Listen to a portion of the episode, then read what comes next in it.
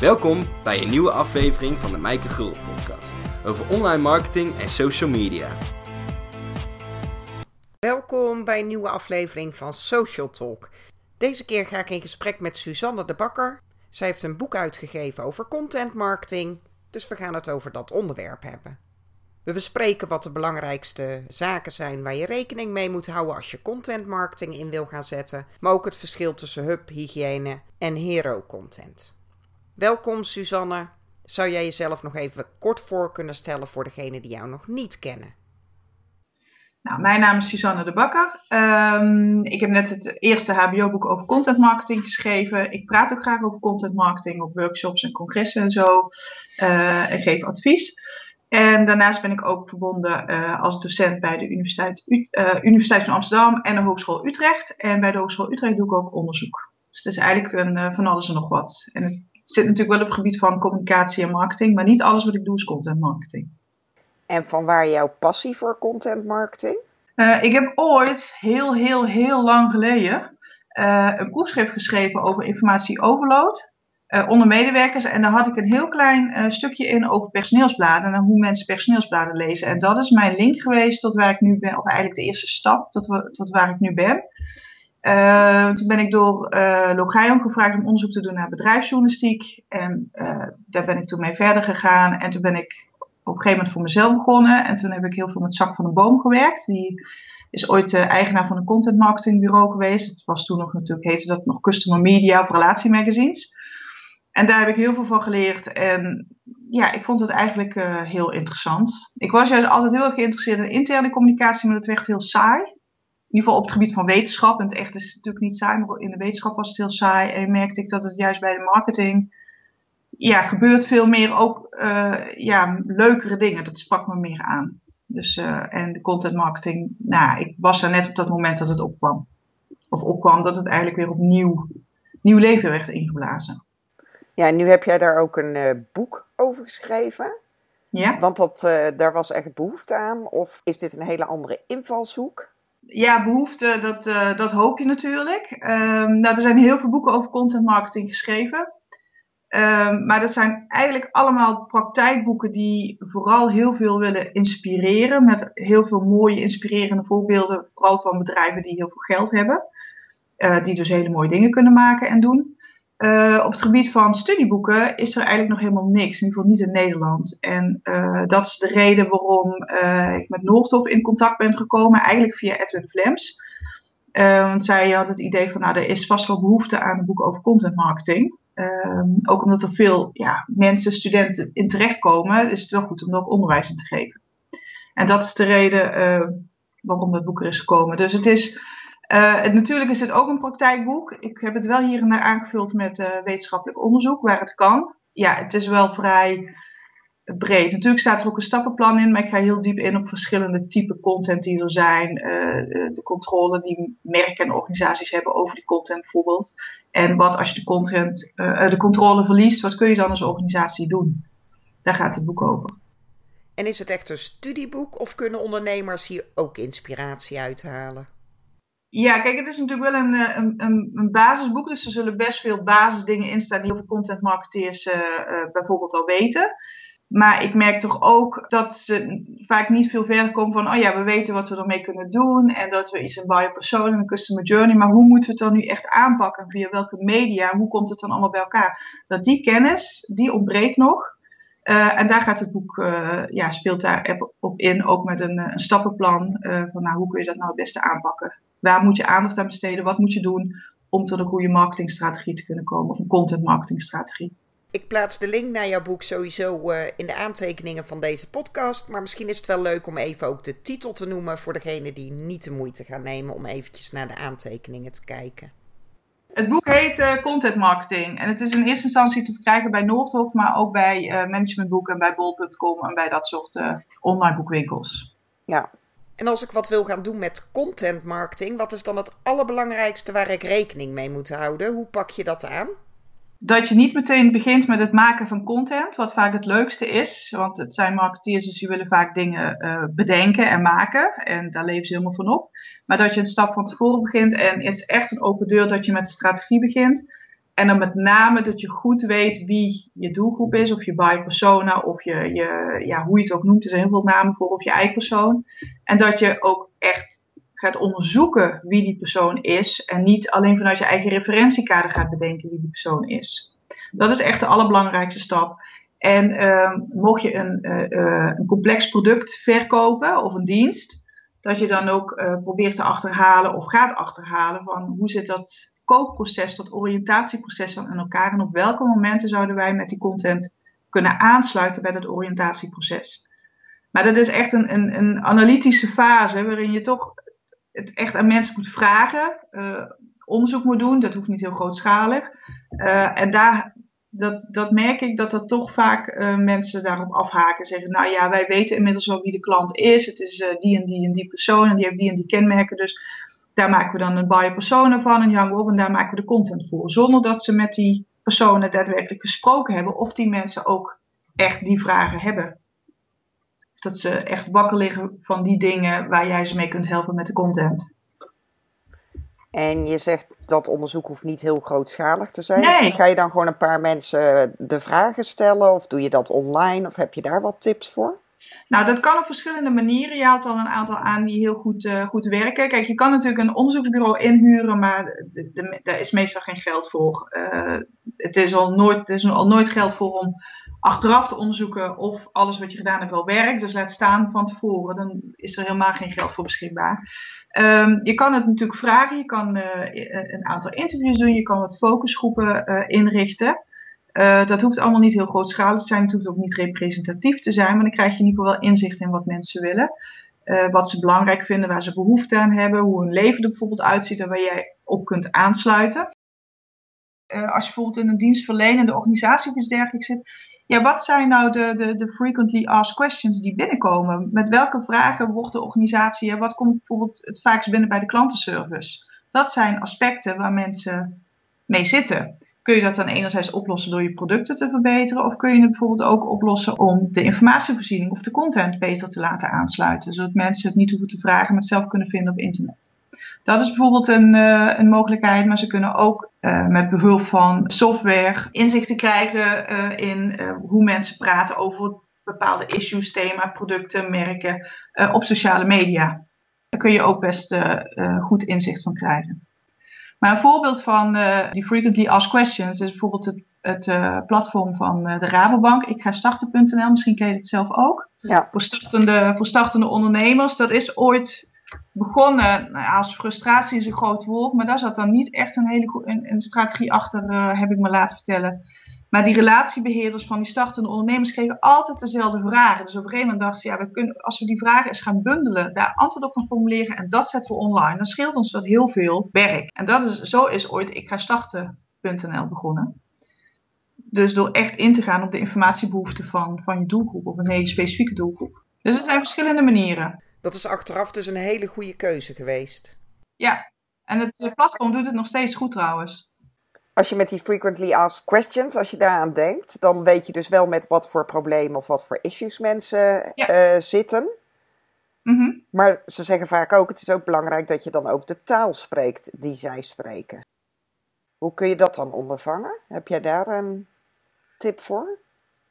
Nou, sowieso blijkt uit, uh, uit onderzoek, en dat heeft ook betrekking op webcare, dus we gaan nu iets breder, dat, uh, dat je inderdaad aanpast aan de taal van de doelgroep. Maar als je sowieso op een hele formele manier spreekt, heel corporate, dat mensen zich daar minder door aangesproken voelen. Dus, dus met een menselijke stem, een conversational human voice noemen ze dat, dat is sowieso een beter idee. En daarin zitten natuurlijk ook wel heel veel gradaties. Ja, we natuurlijk allemaal het KLM-voorbeeld van uh, dat ze reageren op die uh, Yo Matti tweet. En in dezelfde taal terug gaan spreken. Kijk, je kan het even goed wel formeel doen, maar wel op een menselijke manier. Zonder al te veel corporate termen te gebruiken. Dus dat, uh, dat is sowieso wel goed. En dan weet je dus wie jouw doelgroep is, of jouw persona, of avatar, of hoe je hem ook wil noemen. Ja. En dan? Dan moet je dus uh, beginnen met het maken van content. Maar ook daar zul je eerst strategisch over na moeten ja. denken. Ja, want sowieso, wat wil jij met die content bereiken? Ja, wat, wat is je doel uiteindelijk? Natuurlijk is je doel altijd dat je, uh, in ieder geval voor de meeste organisaties geldt dat, dat je meer producten en diensten of diensten wil verkopen. Dus daar Dat wil je uiteindelijk bereiken. Maar je gaat dat niet heel direct doen van koop mij, want ik ben de beste. Want dan ga je gewoon reclame doen. Maar je kunt ook andere doelen hebben. Heel veel B2B bedrijven hebben als doel om kennisleider in een bepaald vakgebied te worden. Nou, dat is, is kennisleider of thought leadership is dan, is dan een doel. Maar dat is nog steeds een heel abstract doel. Van ja, maar wat betekent het dan voor onze organisatie om dat te bereiken? Wat, waarin willen we dan kennisleider zijn? En wat betekent dat dan? En op wat voor. Uh, dus da daar ga je dus veel concreter over nadenken. Op welke gebieden moet je dan kennis kunnen leveren? Is het dan heel breed of ga je het heel specifiek doen? En als je in een uh, veld zit met concurrenten die ook aan content doen, dan is de volgende stap van ja, maar wat doen die concurrenten aan content marketing? Want als je precies hetzelfde gaat doen, dan ja, heeft het helemaal geen zin. Dus waarin kun je je onderscheiden en waarin is jouw organisatie bijvoorbeeld onderscheiden? Dus dan ga je dus de, de, eerste stap is echt die doelgroep. En de tweede stap is meer vanuit jezelf kijken van nou, wat, wie zijn wij, wat kunnen wij, wat bieden wij, waarin onderscheiden wij en wat willen we behalen met die content. En dat moet wel bij elkaar passen. Het, het, moet ook bij je organisatie passen waar je mee komt. Als je een hele serieuze organisatie bent en je gaat ineens hele lollige dingen doen, dan kan dat vast veel aandacht krijgen, hè, omdat het heel opvallend is. Maar of je je doelen er uiteindelijk mee bereikt, dat is weer een tweede ding. Ja, dan wordt het een beetje gemaakt, fake en ongeloofwaardig. Ja, ja, ook. En dan heb je misschien wel een grotere naamsbekendheid. Dat kan een doel zijn, maar of het uiteindelijk ook tot een betere reputatie leidt en tot meer verkoop van producten, ja, dat kun je dan nog afvragen of dat inderdaad gebeurt. En vervolgens heb je dan uh, dus eigenlijk je strategie helder. Hè? Als je weet wat je uh, precies wil bereiken uh, met wat voor soort content. Ja. Voor welke doelgroep. Maar dan, um, hoe ga je dan te werk? Maak je dan echt een content planning? Dat kun je inderdaad doen, want dan, is het, uh, dan komen eigenlijk die verschillende onderdelen bij elkaar. En dan, uh, wat nog wel een belangrijk onderdeel is, heb ik net nog niet zo heel veel aandacht aan besteed, is dat je natuurlijk ook moet weten wat voor type media jouw, uh, of welke media jouw doelgroep gebruikt. Waar zitten ze zelf op? Met welke doelen gebruiken ze die verschillende media? En waar kun jij op aansluiten? Um, dus dan heb je dus die, die die buyer persona met de kenmerken, die customer journey met de kenmerken, de type media of de, de verschillende media die gebruikt worden, je eigen doelen. En dan ga je nadenken welke content past daar dan bij, op welk moment. En dan kun je dus een, uh, denken van nou wil je dan uh, constant content aanleveren of wil je een soort basiscontent aanleveren ook die altijd online is en dat je soms van die extra campagnes of projecten doet om mensen aan te spreken. Dat ligt ook heel erg aan wat voor soort organisatie je bent en wat je doel is met de content. En content marketing is van eerst ja, vanuit van oorsprong een soort ja, relatiemarketingachtig. Dus echt op de lange termijn. Dus je komt heel komt regelmatig met nieuwe content. Maar je ziet toch ook dat de laatste tijd content marketing wat meer campagnematig wordt ingestoken. Dat heeft vaak weer een heel ander doel, een meer een korte termijn doel dan de, de content marketing zoals die ooit bedoeld is. Nou noemde jij net ook de customer journey. Ja. Maar daar hebben we het ook nog niet over gehad. Nee, dat, nee, dat is inderdaad een andere term. Het is meer het, eh, het oriëntatie en het koopproces uh, van mensen. Voordat ze daadwerkelijk, uh, bijvoorbeeld bij complexe producten, bij een brood heb je natuurlijk niet zo'n oriëntatieproces, want je gaat gewoon naar de winkel of naar de bakker en je koopt zo'n brood. Maar als je een laptop wil kopen of een huis of, een, of, een, of je gaat op vakantie, dan ga je toch een beetje oriënteren. Nou, dat wordt de customer journey genoemd. Heb jij nog tips voor zo'n contentkalender? Want dat is altijd best wel lastig. Ja, dat is ook heel erg lastig. Sowieso, wat heel erg belangrijk is, is hè, als je. De, de contentkalenders die spelen heel vaak in op inhakers. Hè, wanneer kun je inhaken zodat je uh, aandacht krijgt uh, van verschillende mensen, en misschien ook van de media. Hè, dat je viraal kunt gaan, dat, dat is wat veel merken willen. Wat heel erg belangrijk is, is dat er een soort congruentie is. Of dat er echt een overeenstemming is tussen het moment waarop je inhaakt, dat dat past bij je merk maar dat het ook past bij de boodschap, bij de content die je dan uh, wilt gaan maken. Als je aansluit op een moment wat totaal niet bij jouw merk past, dat mensen echt denken: Hè, hoe, hoe zit die link dan bij, hoe zit die link dan? Ja, dan is het niet zo, uh, is het niet zo'n heel erg goed idee. Er moet echt een, een, uh, ja, een relatie, een koppeling zijn. Koppeling is het juiste woord. Tussen merk, moment en content. En heb je daar een voorbeeld van? Van iemand die je dat goed aanpakt of iemand die dat helemaal verkeerd aangepakt heeft? Ja, van, al, van allebei. Uh, Hema doet dat over het algemeen heel erg goed. Die haken heel vaak in. Uh, niet alleen op hele grote momenten, maar ook op, op, kleine, meer onvoorspelbare momenten. Het past altijd bij hun uitstraling. Ze hoeven ook bijna, je hebt wel het logo erin, maar je ziet eigenlijk altijd dat het van Hema is. ook de manier, de, de slogan die ze erbij zetten, die past echt bij HEMA. Dus dat doen zij echt heel erg goed. En um, dan ben ik, ik weet ook een heel slecht voorbeeld, maar dan weet ik niet meer precies wat het merk was. Is het van de Teflon radiatorfolie of zo? Dat was dan toen Raymond van Barneveld moest dachten. Toen was er ook zo'n link dat je ook op, op Twitter overal zag van ja, bleef het maar zo goed uh, kleven als een of andere Teflonfolie. En ik weet niet meer precies hoe het in elkaar zit, maar dat past dus echt helemaal niet, uh, niet bij elkaar. En je hebt ook merken die op heel individueel willen inhaken. Dat gebeurt vaak via Twitter. Als mensen iets, uh, iets uh, tweeten, bijvoorbeeld over, uh, nou, ik heb vandaag wel hard gelopen, dat dan een goed doel zegt, nou, je, je hebt nu hard gelopen, zou je ook willen hardlopen voor het goede doel. Dan haak je echt op kleine momenten bij mensen in. dat kan heel goed werken, maar een tijdje geleden had je ook SEAT, die ken je waarschijnlijk ook wel. Dat ze een, een of ander nieuw huurcontract boden ze aan, of een nieuw huurmodel, waardoor je een auto kon leasen. En op iedereen die ook maar iets zei over Spotify, daar haakte zij meteen op in met een tweet. Van nou, wat dacht je dan van een Seat leasecontract, dit en dit en dit, heb je daar wel eens aan gedacht? Nou, dat ging, uh, ja, doe een Seatje heette dat al heel snel met de hashtag. Nou, dat was ook niet zo'n heel goed, uh, een goed voorbeeld. Dus je kunt als merk wel nadenken op welke type momenten je kunt inhaken. Zijn het hele grote voorspelbare momenten of juist op de meer onvoorspelbare momenten dat je inhaakt? Als je nu over die uh, voorspelbare momenten inhaakt, hè, dan denk ik al gelijk aan uh, een Pasen, een Valentijnsdag, een Moederdag. Die kun je natuurlijk heel goed plannen. Ja. Maar wat jij noemde net die kleine gesprekjes, dan wordt dat ja. lastiger om dat te plannen. Ja, dat is zeker lastig om te plannen. Je hebt dus voorspelbare momenten en onvoorspelbare momenten. De voorspelbare momenten, daar kun je dus echt een contentkalender op, uh, maken. Dat is ook wat veel organisaties doen. Wat, dat wordt ook wel saai, want je hebt natuurlijk heel veel merken die hebben ingehaakt op 1 april. Of die op Valentijnsdag inhaken. Uh, en de kunst is nu eigenlijk om binnen de voorspelbare momenten je bijvoorbeeld te richten op de onvoorspelbare momenten. Een, een voorbeeld is, uh, um, dat, dat, kennen ook veel mensen wel, denk ik, het voorbeeld de Olympische Spelen dat Jury van Gelder naar huis werd gestuurd. Nou, daar heeft toen Radler op ingehaakt met die 0%, die twee ringen. Dat was dus een heel onvoorspelbaar moment binnen een voorspelbaar, binnen een voorspelbaar moment.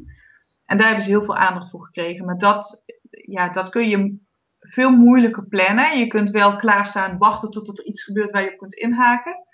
Maar dat is moeilijker te plannen en daarin moet je ook heel snel zijn. Als je na een dag pas met die inhaker komt, dan, ja, dan ben je te laat, dan is het moment weg en dan kun je het maar beter niet meer doen. Dus dat vergt wel veel meer van je, ja, van je marketing- of communicatieteam. Ja, want we hebben het nu over inhakers, maar dat is natuurlijk maar een gedeelte van je ja, content. heel klein gedeelte. Ja, klopt. Met alleen inhakers um, wordt het Nee. vrij lastig. Ja, ja. Nee, eh, dat zijn vaak een beetje, dat zijn van die campagnes, maar je hebt ehm, die contentpyramide. Eh, die is volgens mij, als ik me dat goed herinner, eh, ooit bedacht voor YouTube-video's. Verschillende typen content die je als merk kunt aanbieden. Je hebt hero, hub en hygiëne content. Dat wordt dus nu ook in de content marketing toegepast. En hygiëne content is de content die gewoon bijvoorbeeld op je, je platform of je website eh, aanwezig moet zijn. Hele basic informatie waarin je mensen ook bijvoorbeeld echt verder helpt. Die is er, die moet ook altijd up-to-date zijn. Daar doe je verder niet zo heel veel, mee. Dan heb je de, ik haal ze altijd door elkaar, die drie niveaus, hygiëne. Dan heb je de hub content. Dat is al wat campagnematiger ingestoken. Dan ga je echt in op de behoeften uh, of bijvoorbeeld inhakers uh, van de doelgroep. Dan probeer je wat meer engagement uh, te creëren onder de mensen en wat meer uh, naamsbekendheid en dat soort zaken. Dat, daar adverteer je soms ook voor of je, je besteedt daar extra aandacht aan. En je hebt ook nog de hero content en dat zijn de, ja, dat ligt een beetje aan het, uh, aan het type merk wat je bent. Dat is meer de, um, de content die je heel soms doet. En dat is echt een briljant project of iets dergelijks. Bijvoorbeeld van Red Bull, die, die, die, uh, die Strato Jump. De sprong uit 10 kilometer hoogte. Ja, dat is zo'n voorbeeld. Ja, dat genereert zoveel aandacht als je het echt goed doet. Uh, onder meer dan alleen je doelgroep. Maar ja, dat zijn dingen die je niet heel vaak doet. Zelfs Red Bull doet dat soort dingen niet heel vaak. Die kosten natuurlijk ook heel veel geld. Dus daar kun je ook over nadenken. Wat voor type content heeft onze doelgroep uh, behoefte aan? Waarin voor de meeste merken geldt dat het echt gaat om die hygiëne content. Bijvoorbeeld die frequently asked questions. Die is er altijd. Die, daarin help je mensen echt verder in een oriëntatie- en koopproces. En bij die uh, hub content ga je uh, meer in om de doelgroep ook echt aan te spreken en om ze bijvoorbeeld ja, tot actie te leiden. En de, de vlogs die vaak gemaakt worden, zijn daar weer een voorbeeld van. Want als je heel weinig tijd hebt, dan moet je keuzes maken. Ja, zeker.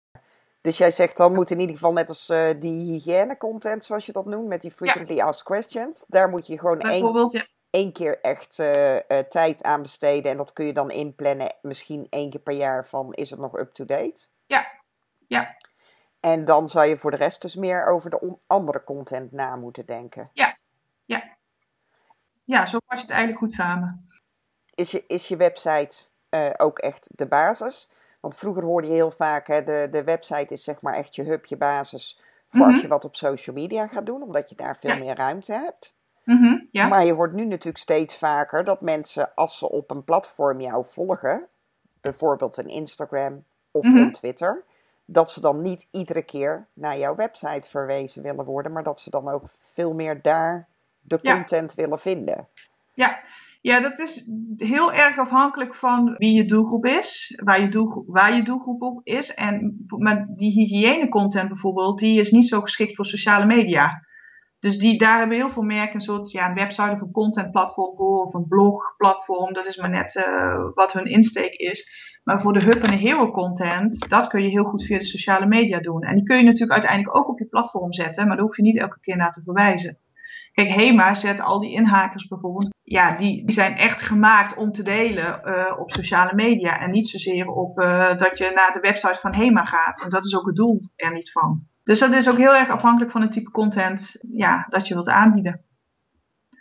Kijk, en die hygiëne content is ook vaak bedoeld als mensen zich aan het oriënteren zijn. Dan gaan ze zoeken op Google, dan typen ze een vraag in en dan, ja, dan klikken ze op een van die eerste linkjes die ze tegenkomen. En dan ben je niet zozeer geïnteresseerd in wat er op Twitter gezegd wordt, maar dan wil je echt op zoek naar informatie. En dan, ga je, dan klik je bijvoorbeeld wel door naar die website of naar dat contentplatform.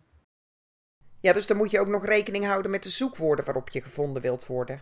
Ja, dat is weer de volgende fase, ja. Ja, het valt niet mee. nee, het valt zeker niet mee. Nee, soms uh, komen mensen ook echt naar je toe op te willen zien. En dan uh, hoop ze ook dat je een, een, een, een soort tien stappen plannetje hebt. En als je dat maar doet, dan komt het altijd goed.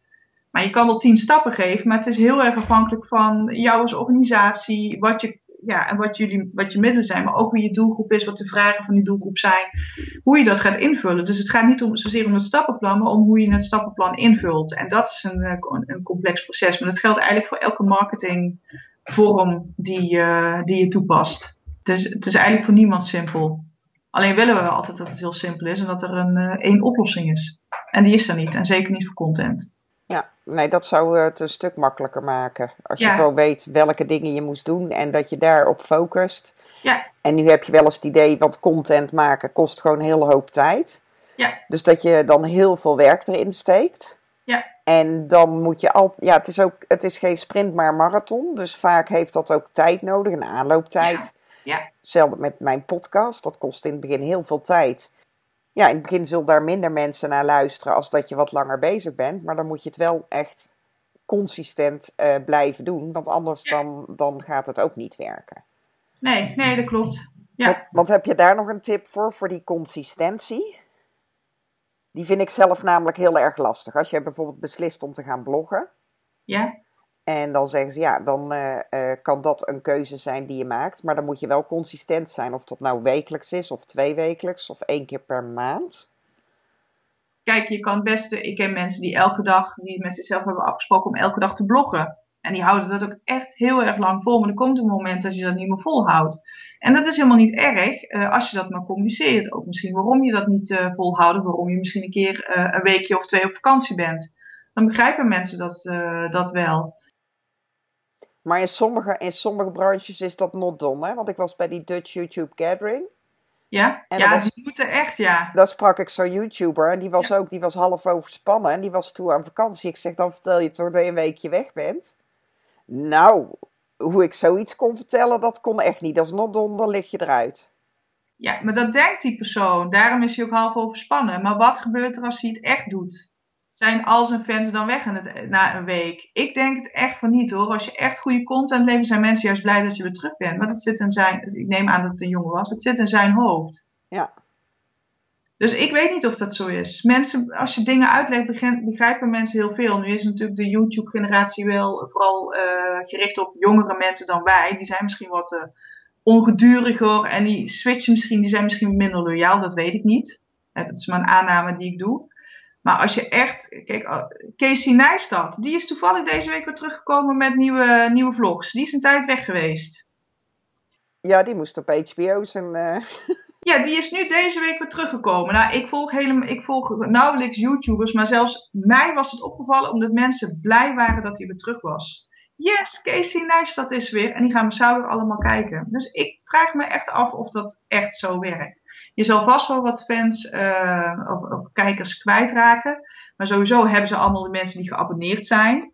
Die zien het dan vanzelf wel weer. Ja. Ik, uh, nee, ik geloof daar niet zo in. Maar misschien ben ik gewoon uh, uh, ja, is er gewoon een generatiekloof en denk ik daar anders over.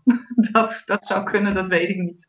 Nee, ik had ook zoiets als je toch gewoon vertelt dat je even een weekje aan vakantie ja. toe bent, dan prima toch?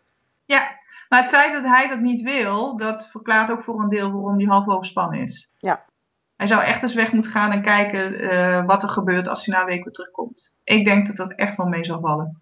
Tenminste, misschien hoop ik dat wel alleen hoor. Hoop ik dat het niet zo erg is. Zelf geloof ik daar ook in, maar mensen willen wel weten waar ze aan toe zijn. Ja. Dus je zult wel een soort van consistentie op moeten bouwen. Ja, dat denk ik ook. Dus net als een tv-programma vinden mensen ook fijn dat ze weten op welke avond, op welk ja. tijdstip een bepaald programma is. Dan kunnen ze daar rekening mee houden. Ja. En dat geldt dus ook voor je blog of je YouTube-video. Als mensen gewoon weten, op maandagavond om 8 uur staat er een nieuw blog online of een nieuwe video. Ja. Dan gaan ze daar naar uitkijken en dan gaan ze daarop rekenen. En dan is het makkelijker om, uh, om een community op te bouwen. Ja. Makkelijker als de ene week op maandag is, dan twee weken niet en dan weer een keer. Maar als je echt iets wil bereiken met content, dan betekent dat gewoon keihard werken. Ja. Welk kanaal je dan ook kiest. Ja. Maar dan ben ik ook van mening dat als je mensen gewoon vertelt dat, dat je een weekje weg bent, dat volgens mij dat de schade Ja. wel meevalt. Dat denk ik ook. Raak jij mensen kwijt dan eh, als je op vakantie bent met Twitter? Eh, volgens mij valt het wel mee. Ja, volgens mij valt het ook wel mee. En de mensen die je kwijtraken, dat zijn misschien ook de mensen waar je niet echt een band mee hebt. Maar de mensen waar je regelmatig mee communiceert via Twitter. Ja. Die zullen niet ineens denken. Nou, wat wel zo is, als soms iemand er ineens een tijd niet is op Twitter. Dan ga ik wel kijken hoe, wanneer eh, was die de persoon er niet. En ik heb bij één iemand, die was toen echt lang weg. Die heb ik een keer, een, dat is al een jaar geleden, een DM gestuurd. Van, je bent niet meer op Twitter. Gaat het goed met je? Ja. En er was inderdaad iets heel heftigs gebeurd in haar leven. En eh, er waren meer mensen die dat aan haar gevraagd hadden waarom ze er niet meer was. Dus dat is toch een soort. Met de mensen waar je regelmatig mee, eh, of ja, regelmatig mee interacteert of, of communiceert. Als die er ineens niet meer zijn, valt het wel op. Ja. Toch een soort sociale controle. Nou, dat is alleen maar mooi, toch?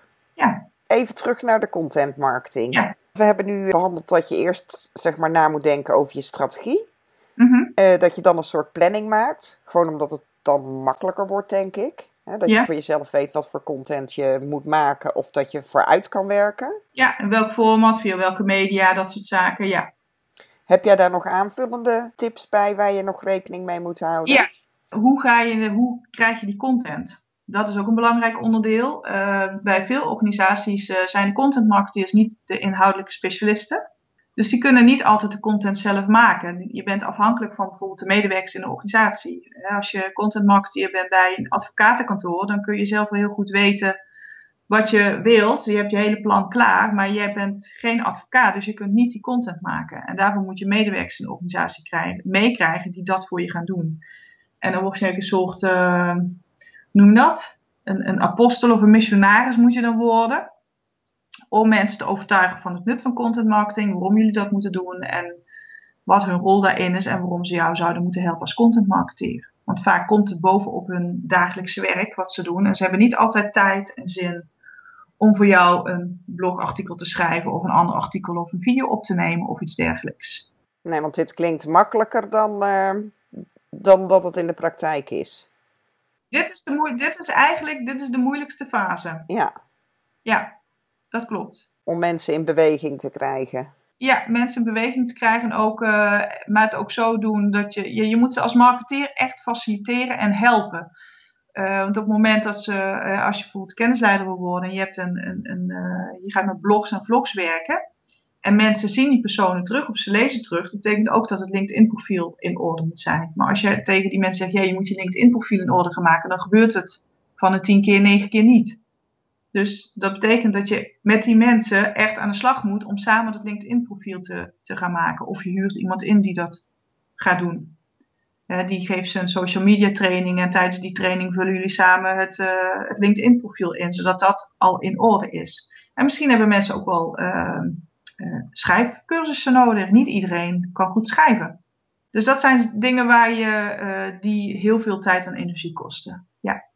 Maar goed, heb niet uh, de ambitie om de hele organisatie mee te krijgen. Als je een aantal mensen hebt die het leuk vinden, zijn altijd mensen bij die het wel leuk vinden, die jou daarmee helpen.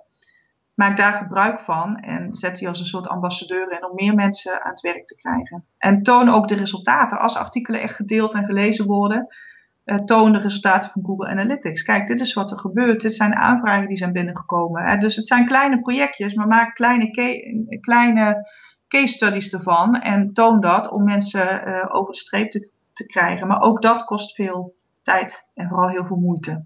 Ja, content marketing kost vooral heel veel tijd. Ja. Want nou heb je het over zo'n organisatie, hè? dan moet je je medewerkers meekrijgen. Maar als jij nu een uh, eenpitter bent, dus dan moet je het allemaal zelf doen. Ja, dat klopt. Ja, dan wordt het ook lastig om tijd te vinden, want we krijgen ook steeds meer kanalen. Ja, dus dan denk je, oh, moet ik nou uh, een uh, Facebook live doen en een Insta-story en dan moet ik ook nog een tweet plaatsen en een nieuw blog online zetten. Ja. Dat kan mensen ook wel eens heel erg overweldigen. Dat kan mensen ook heel erg overweldigen. Ik, ik, ben, ja, ik weet natuurlijk zelf heel veel van content marketing. Ik heb nog niet eens mijn eigen website. Maar ik heb daar gewoon geen tijd voor. Uh, en dan denk ik, nou weet je, dan vul ik in ieder geval mijn LinkedIn profiel, hou ik gewoon goed bij. Dan kunnen mensen me toch vinden. En kies uh, de dingen die bij je passen en waar je veel uh, tijd in wilt uh, besteden. Bij mij is het vooral Twitter en het schrijven van blogs.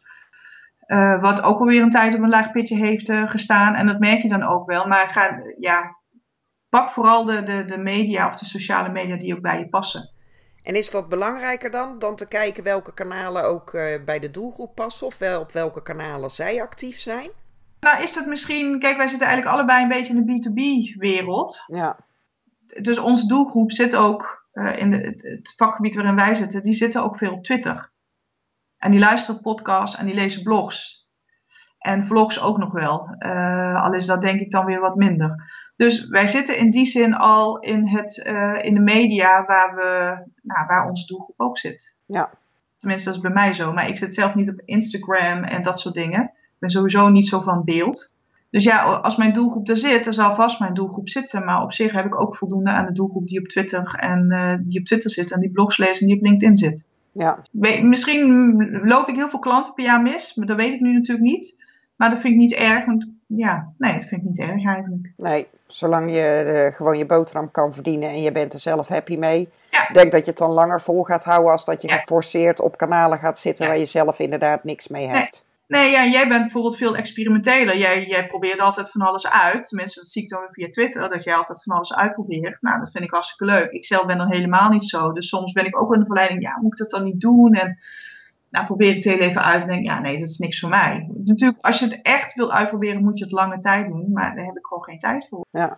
Ik niet aan toe. Ik kom wel amper aan Twitter toe soms. Ja, ik merk ook dat het wel... Uh... steeds uh, lastiger wordt en dat ik me er echt uh, toe moet zetten soms. Maar gewoon Ja. omdat inderdaad zoveel kanalen zijn en ik vind heel veel dingetjes leuk. En Ja. Het kost allemaal tijd. Ja. Is er nog iets wat we niet behandeld hebben en wat wel belangrijk is dat mensen dat weten voor content marketing? Nee, ik denk dat het belangrijkste, eh, de twee belangrijkste dingen zijn wel aan, eh, aan bod gekomen. Dat je dus niet zelf je, je doelgroep bedenkt, maar dat je daadwerkelijk op onderzoek gaat naar de doelgroep. Dat zijn vaak twee werelden van verschillen namelijk. En dat het intern, om het intern eh, voor elkaar te krijgen als een grote organisatie werkt, dat dat ook ja, heel veel overtuigingskracht kost en dat het veel tijd en moeite kost. Dat, zijn, dat, dat dat niet on- onderschat moet worden. Dat zijn de twee belangrijkste dingen die ik wil noemen. Ja, nee, want mensen denken er vaak heel gemakkelijk over. Dat gaan we even doen. Maar uh, zeker met die interne organisatie heb ik zelf ook ervaring mee. Dat valt niet mee om uh, mensen uh, te mobiliseren. Want ze hebben het vaak al druk met hun eigen dingetjes. Ja, ja, ja. ja dat klopt. Heb ik nog een paar persoonlijke vragen aan jou? Ja. Wat is het beste advies wat jij ooit gekregen hebt? Uh, je hebt natuurlijk ja, verschillende adviezen in de loop van een jaar gekregen. Maar het belangrijkste advies is toch wel dat je dingen gewoon moet doen. Dat je niet bang moet zijn en het gaat vast niet allemaal even goed, maar het is niet erg om op je bek te gaan, gewoon doorgaan. De volgende keer gaat het altijd weer beter. Ja, dat is denk ik wel het belangrijkste advies. En als ze je bellen bij het nieuws en zo, dan ben ik nog nooit op het nieuws geweest, maar wel eens in een radioprogramma, gewoon ja zeggen, ook al denk je dat je het niet kan. gewoon doen. Want het was een uh, hele leuke ervaring. Ja, sowieso. En, uh, maar ik geloof dat, dat, vrouwen nog wel eens de neiging hebben om altijd nee te zeggen. Daarom zijn er zoveel mannen altijd op tv bij die praatshows. Dan heb ik niet de ambitie om in een praatshow te komen. Maar als ze je vragen, gewoon altijd ja zeggen. Ja. en daarna niet je Twitter lezen dan. ja, ofwel, dan kan het ook weer meevallen. Hè? Dat je dan ja, misschien wel. de volgende keer denkt, yes, ik wil weer. Ja, nee, maar je moet niet bang zijn. En ook niet bang zijn om, uh, om echt dingen niet meteen heel goed te doen. Je kan niet altijd alles perfect doen. En volgens mij, als je dat al beseft, en dat niet altijd, kun je natuurlijk best grottig vinden als je iets niet zo goed gedaan hebt, maar er ook gewoon weer overheen stappen en denken: oké, de volgende keer doe ik het beter. Dat zijn allemaal leermomenten. Ja. Wat is jouw favoriete app? Twitter. Nog steeds. Ja, die gebruik ik ook echt het, het meeste. Ik heb ook gewoon echt de Twitter-app op mijn telefoon. En die gebruik ik, uh, die gebruik ik het vaakst. Nou, natuurlijk lees ik ook wel nu. En uh, de Marktplaats-app is ook handig. En weer online en zo. En Facebook, maar Twitter, die open ik toch echt het vaakst. Zonder Twitter zou mijn leven minder leuk zijn. Ja. Voor mijn werkleven dan. Ik vind ook uh, nog steeds wel dat daar de leukste gesprekjes en onderrondjes ja. zijn. Ja. En waar mogen mensen jou voor wakker maken? Nou, binnenkort moet ik uh, om zeven uur het vliegtuig nemen op Schiphol. Dus je mag me wel wakker maken voor een leuk reisje. Ja. Ja, dat is eigenlijk wel ongeveer. Ja, en als mijn kinderen zich niet lekker voelen. Mijn kinderen mogen me ook wakker maken, maar ook liefst niet te vaak. Ja, alleen als ze je echt nodig hebben, niet voor ja, onzin. Uh, maar, uh... Ja, nee. Ja, als ze me echt nodig hebben, dan mogen ze me natuurlijk wakker maken. Dus mijn kinderen mogen me wakker maken en ja, een leuk reisje. Verder rest, ja, chocola, nee, dat eet ik wel gewoon de volgende ochtend en zo. Al de rest doe ik wel overdag. Dankjewel Suzanne voor al je waardevolle tips. Ja, ik hoop dat je er wat aan hebt. Nou, leuk. Ja, ik vind het ook leuk. Bedankt dat je me vroeg. Dankjewel voor het luisteren naar weer een aflevering van Social Talk. Je hebt het gehoord, content marketing is heel effectief, maar uh, het kost dus ook heel veel tijd.